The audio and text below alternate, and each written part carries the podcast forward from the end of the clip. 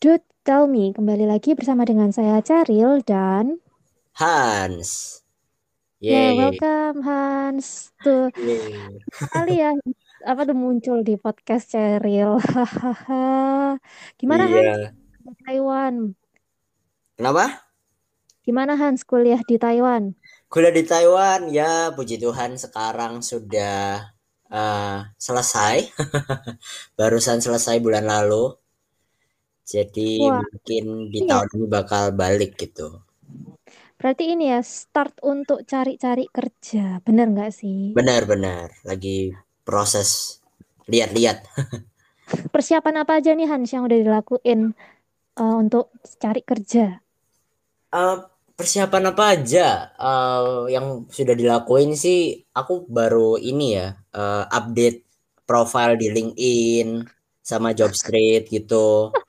ya Terus basic terus habis gitu uh, ngebuka CV yang lama gitu kan, CV yang lama yang aku dulu pakai buat apply waktu selesai S1 ke beberapa company sebelum akhirnya keterima uh, kuliah di Taiwan.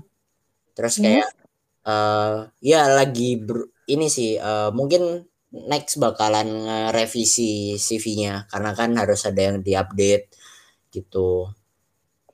Nah, kebetulan banget nih hari ini Ceril kepengen ngobrolin tema tentang resume. Jadi sebenarnya resume sama CV itu apa sih bedanya gitu kan? Kalau resume sendiri adalah ringkasan dari CV. Jadi dia lebih spesifik untuk melamar pekerjaan. Nah, Hmm. resume itu terbatas dari satu hingga dua halaman saja dan lebih mengutamakan pengalaman pekerjaan daripada riwayat edukasi. Nah, kalau CV itu lebih seperti uh, riwayat hidup lengkap tentang perjalanan karir, edukasi pen penelitian, dan pencapaian seseorang. CV ini tidak memiliki batasan panjangan halaman dan sangat cocok digunakan untuk pekerjaan akademis, mengajar, dan perusahaan BUMN. Oh, nah, oke. Okay. Hans ini udah mulai benerin CV nih. Uh, belum, masih akan. masih akan, oke okay yeah. lah. Karena hari ini kita kepengen ngobrolin tentang resume, mungkin lain kali aja ya Hans kita bahas kupas tuntas CV Hans gitu ya. Boleh, boleh, boleh. Mantul. Nah, things that I wish I know itu adalah membuat CV Hans. Hmm. Setelah aku mengalami lamar pekerjaan di sini, di sana, kayaknya tuh ah andai saja pas waktu kuliah dulu itu kita tuh benar-benar diajarin gitu ya sama dosen benar-benar ada kayak workshop khusus gitu ya buat resume ternyata kan enggak dulu pas waktu waktu kuliah, kuliah. dan mungkin hmm. itu bukan sesuatu yang penting gitu ya bagi akademisi untuk bikin resume lebih sering diarahkan untuk bikin CV ya nggak? Hmm, kayaknya iya sih. Kayak uh, kayak kan pasti waktu dari kita kuliah itu sudah kayak ada apply untuk jadi panitia untuk atau pengurus untuk organisasi atau apa di kampus kan.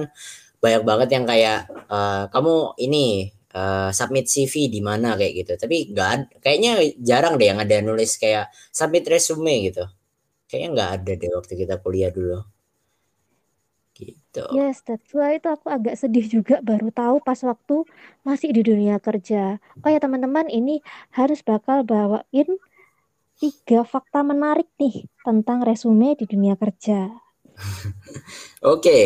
uh, aku tuh sebelum kita start ini tuh sebelum kita start podcast yang kali ini, aku tuh tadi sempat baca kan, sempat survei, uh, baca-baca sedikit di internet gitu. Terus kayak aku ada dapat satu link, dia itu dari full.com. Terus dia itu bilang kayak, oh pentingnya resume di dunia kerja itu apa gitu. Kan aku juga, maksudnya sudah dua tahun ya, nggak berusaha untuk apply kerja karena ya kan kuliah gitu. Jadi fokusnya di kuliah dan cuman paling lihat-lihat doang lowongan-lowongan, tapi nggak berusaha kayak mengupdate resume atau CV gitu.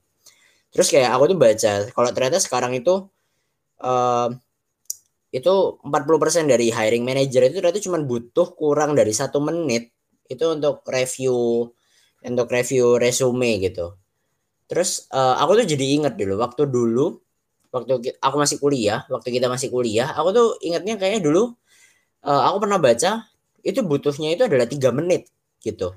Tapi ternyata sekarang lebih cepat gitu kayak satu menit gitu. Jadi kayak orang mungkin karena lowongan pekerjaan juga semakin sedikit gitu ya karena pandemi dan lain sebagainya yang akhirnya uh, menyebabkan banyak orang butuh kerja juga gitu. Jadi kayak semakin cepat gitu orang atau hiring manager untuk kayak langsung mensortir gitu. Kayak oh ini mungkin kurang ini kurang ini kurang. Atau oh ini oke okay, ini oke okay, kayak gitu mungkin. Terus yang kedua itu dia tulis alamat email, alamat email yang nggak profesional itu ternyata itu jadi problem buat employer gitu. Kayak yang tadi aku baca itu uh, ada contoh kayak uh, lovestrawberry at google.com kayak gitu misalkan oh. at gmail.com. Kecil banget ya. Bayangin. Ada yang kayak gitu gitu. Kayak emailnya itu ternyata dipakai dari waktu dia masih SMP gitu. Wow. Kayak gitu. Jadi dipakai terus gitu ya bagusnya sih berarti kita bisa tahu kalau dia mungkin orang yang ini ya yang apa? Konsisten. Benar dan bisa dipercaya lah berarti kan. Karena dia kan nggak mungkin aneh-aneh buktinya. Sampai email itu nggak ada masalah gitu sampai dia sekarang gitu ya. Gitu. Cuman ya itu kayak ternyata nama yang nggak profesional itu bikin hiring manager itu uh, itu jadi problem gitu katanya buat mereka. Kayak tidak membuat mereka tertarik gitu. Terus satu lagi itu yang aku baca uh, 77% itu dari hiring manager itu diskualifikasi resumenya karena tipe error. Jadi kayak banyak banget orang itu yang kayak uh, nulis salah tipe-tipe gitu tuh. Jadi apa ya? Mungkin menurutku kalau ada orang kayak gitu, mungkin hiring manajernya merasa kayak oh anak ini mungkin nggak detail gitu ya sama sama kerjaannya gitu. Sesuatu yang kayak simple kau bikin resume, bikin CV aja terus kayak kamu bisa tipe errornya banyak gitu misalkan. Mungkin itu jadi concern sih buat nanti masuk kerja gitu kan. Gitu gimana Cheryl nah gila ya dari tiga fakta tersebut mas angka paling banyak tadi berapa? 77 persen didiskualifikasi iya, hanya karena tipe error di resume kerja.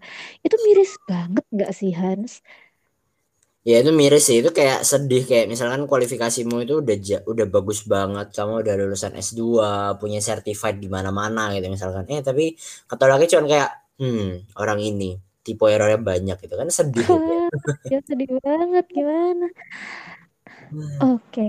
Dan ini aku barusan dapat juga dari uh, atasan aku di tempat kerja gitu kan. Dia sharing kalau misalkan kebanyakan profesional yang sudah jago buat resume, mereka tuh bakal punya satu template untuk setiap resume yang dibuat.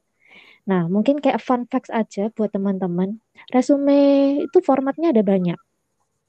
Uh, nggak banyak sih, tiga. Yang pertama format tradisional, format kronologis itu biasanya kita tahu tuh dari misalkan pekerjaan terbaru, posisi yang terbaru, terus uh, diruntut posisi yang sebelumnya dari pekerjaan sebelumnya, sebelumnya, sebelumnya. Ini resume. Terus yang apa CV? Ya, resume. resume. Oke. Okay. Terus? Betul. Terus yang tipe kedua, format yang kedua adalah resume uh, format fungsional yang mereka itu lebih meng-highlight ke skill set skill kemampuan daripada meng-highlight ke pekerjaan-pekerjaan yang masa lalu. Tentunya juga akan menambahkan achievement ya. Pasti dong kalau misalkan uh, teman-teman yang ya, yang udah apalagi yang sudah kerja dan cukup berpengalaman gitu ya. Achievement project A bisa selesai dalam waktu tiga bulan. Wow, itu kan keren hmm. banget project selesai dalam waktu tiga bulan. Benar, benar. Terus uh, yang terakhir itu resume kombinasi. Format campuran ini itu mau meng-highlight set keterampilan dan juga uh, pengalaman pe pekerjaan di masa lalu. Misalkan nih, posisinya keren gitu ya, HR manager dari grup kapal api. Wow, set keterampilannya banyak, tapi pas waktu mau mendaftar ke perusahaan lain ingin menunjukkan aku pernah di HR manager grup kapal api loh, tapi aku juga mau nonjolin nih set keterampilanku apa aja. Itu pakai resume format yang ketiga. Gitu Hans. Hmm. Banyak banget. Baru tahu sih aku kalau mereka mengkelompokkan gitu ya jadi tiga kayak gitu. yes, dan aku setelah dapat informasi seperti itu Hans, jadi kepikiran untuk kasih saran nih buat apa namanya resumemu. Siap, siap. boleh, boleh, boleh. Hans ini lulusan S2. Iya. So pasti uh, set skill jauh lebih mumpuni dong dari teman-teman yang cuman lulusan S1. Mungkin bisa pakai uh, jenis resume yang kedua yang lebih menonjolkan set skill keterampilan daripada pengalaman kerja. Gitu, Hmm. Han. Iya sih sebenarnya itu pasti karena kan kebetulan kemarin aku juga belum punya pengalaman kerja formal kan sebenarnya. Maksudku yang full time gitu kan. Karena kerjanya cuma pernah kerja part time dan freelance gitu. Tapi kan nggak pernah kerja yang full time di company gitu sebelumnya. Ya itu itu bisa dipakai sih. Maksudnya bisa pakai tipe yang kedua sih kayaknya lebih cocok gitu. Yes, yes, yes. Dan uh, kebanyakan teman-teman kita yang fresh graduate itu lebih sering pakai tipe yang pertama ya kan. Hmm, benar-benar. Dan sempet nih Hans, aku dengar dari teman, eh kamu tuh jangan pindah-pindah kerjaan, jangan lompat-lompat kerjaan, nanti resumemu jelek loh. Pernah nggak dengar kayak gitu? Uh, pernah sih kayak kalau maksudnya dalam waktu kayak satu tahun terus kamu kayak sudah pindah company tiga empat kali gitu misalkan dan itu full time gitu. Ya itu kesannya jadi kayak ini gak sih? Kayak wah ini cuman kutu loncat ini kayaknya. Pasti mikir gitu gak sih? Yes dan eh kebetulan banget nih companyku punya acara uh, are you a, a job hopper? Why not itu bakal ada di tanggal 24 Juli. Kita bakal ada sharing session di situ. Teman-teman yang kepengen ikutan acaranya tentang pengen tahu tuh job hopper tuh apaan sih? Kutu loncat tuh apaan sih? Emangnya di mata employer itu kutu loncat itu baik atau enggak? Jangan-jangan kutu loncat itu kesannya juga ada yang baik. Nah itu bisa ikutan daftar bisa hubungi cari langsung di Instagram DM at chr underscore 697 Oh, oke. Okay. Online ya ini acaranya ya? Online, and semua di seluruh Indonesia bisa ikutan akses ya. Tapi hanya hari Sabtu tanggal 24 Juli pukul 10 hingga 11 siang waktu Indonesia bagian Barat. Jadi kalau misalkan kalian dengar ini setelah 24 Juli, ya udah selesai deh acaranya. Boleh nanti berarti serial ini bikin satu episode lagi gitu ngebahas gitu job, tentang job hopper. Asik gitu kayaknya. Itu oh, gitu ya? yang tabu sih misalnya buat banyak orang kan masih merasa kayak job hopper itu tabu kan. Gitu ya, itu kayak asik buat dibahas. Oke oke. Kalau gitu kita bahasnya di podcast selanjutnya ya Hans ya mungkin bisa di Kepo Podcast nih di podcastnya Hans teman-teman. Oh iya, mumpung kita lagi ngobrolin tentang Kepo Podcast, mungkin Hans bisa sharing nih tentang podcastnya Hans. Iya, jadi uh, buat teman-teman yang nonton, uh, eh yang nonton, yang dengerin, yang dengerin podcastnya Sheryl, uh, mungkin ini kan karena you tell me itu kan konsepnya kan kayak kamu uh, pingin tahu sesuatu gitu kan. Nah sama, jadi kebetulan aku sama dua orang temanku itu kita pingin bikin satu podcast juga kebetulan dan akan kita launching gitu di bulan ini. Uh, namanya Kepo Podcast. Nah, Kepo Podcast ini tuh kepanjangan dari Key for Key for Key for Excellence, preparing for opportunities. ya, jadi aku juga ini belum hafal nih sama tagline-nya sendiri. Ini ngobrolin apa aja Hans di uh, Kepo Podcast? Halo?